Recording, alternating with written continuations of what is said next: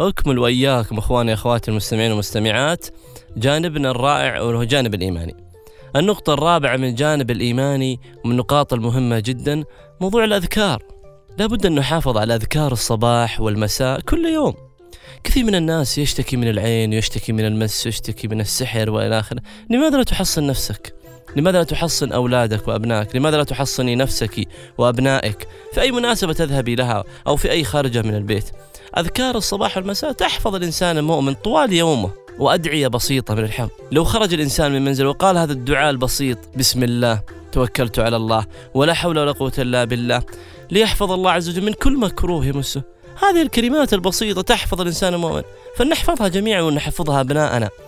بشكل بسيط جدا هذه الأدعية وهذه الأذكار تحفظ الإنسان من مكروه بدل من لا سمح الله تصيبك مصيبة أو يصيبك حادث أو يصيبك عين أو مس لكن أخرجي وأنت بحفظ الله عز وجل وأخرج أبنائك وأخرج أبنائك بحفظ الله عز وجل فنتعلم هذه الأذكار ونحافظ عليها ونبدا بقراءتها في البداية حتى نستطيع أن نحفظها وهي أذكار بسيطة جدا ومتيسرة للحفظ بإذن الله عز وجل.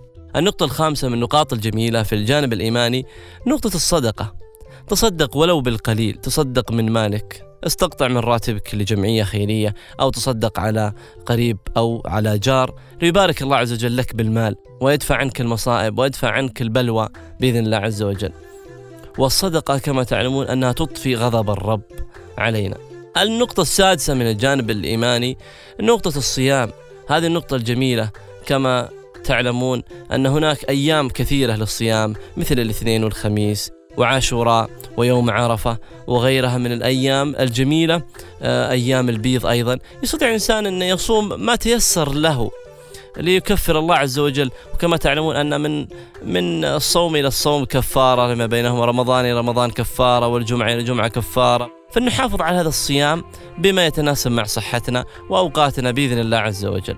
وكما يقول الله عز وجل وما خلقت الجن والإنس إلا ليعبدون. هذه العبادة العظيمة. العبادة اسم جامع لكل ما يحبه الله ويرضاه. كل عمل خير تعملها أخي المسلم أختي المسلمة لك في ميزان حسناتك أجر عظيم.